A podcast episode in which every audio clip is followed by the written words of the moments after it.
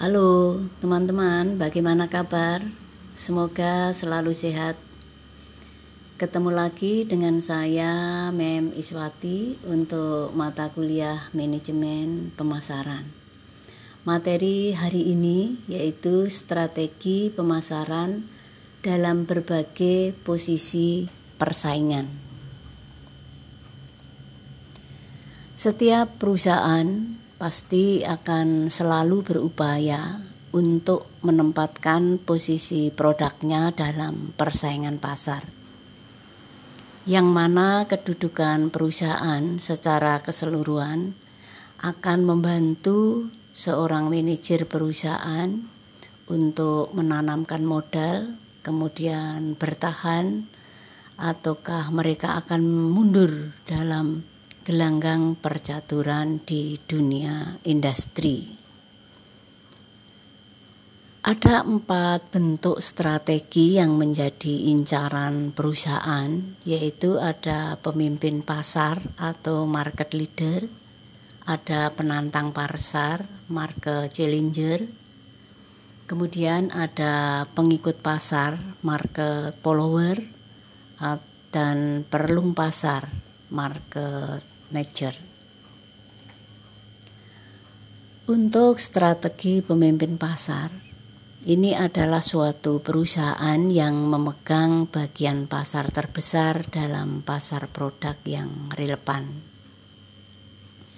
di mana perusahaan lain akan mengikuti tindakan-tindakannya dalam perubahan mengenai harga, kemudian pengenalan produk baru, pencakupan saluran dan intensitas daripada promosi.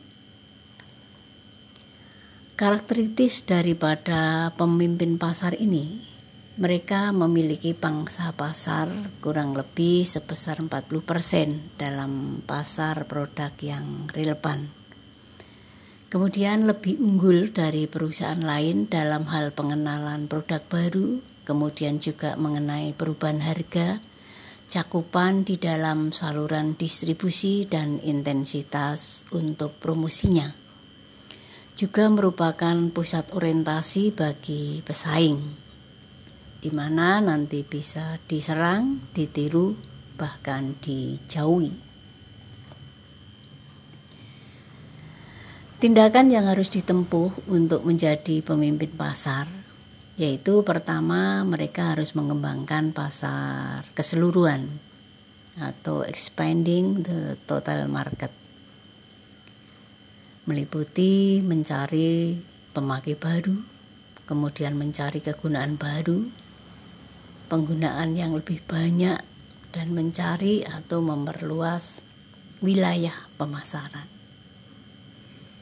Selain itu, tindakan yang harus ditempuh untuk menjadi pemimpin pasar yaitu melindungi pangsa pasar, meliputi pertahanan posisi, yang mana harus mempertahankan atau menjaga posisi produk di sekitar daerah kekuasaan.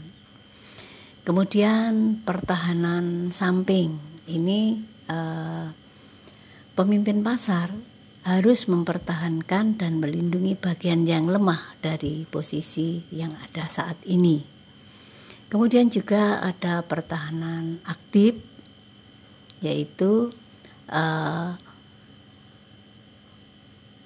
mendahului menyerang lawan sebelum lawan tersebut menyerang. Kemudian juga ada untuk melindungi pasar menjadi pemimpin pasar yaitu uh, harus ada pertahanan serangan balas. Beberapa pemimpin pasar di Indonesia, contohnya ada Aqua, yaitu air minum dalam kemasan, kemudian Gudang Garam, terkenal dengan rokok kreteknya, juga ada Unilever Indonesia, ini uh, memproduksi barang kemasan untuk konsumen. Kemudian juga ada teh botol sosro, ini teh dalam bentuk botol. Kemudian Gramedia, ini penerbit serta Kompas ini dalam bentuk surat kabar harian. Kemudian ada Indofood, ini untuk makanan dan juga BCA atau Bank Sentral Asia ini uh, dalam bentuk perbankan.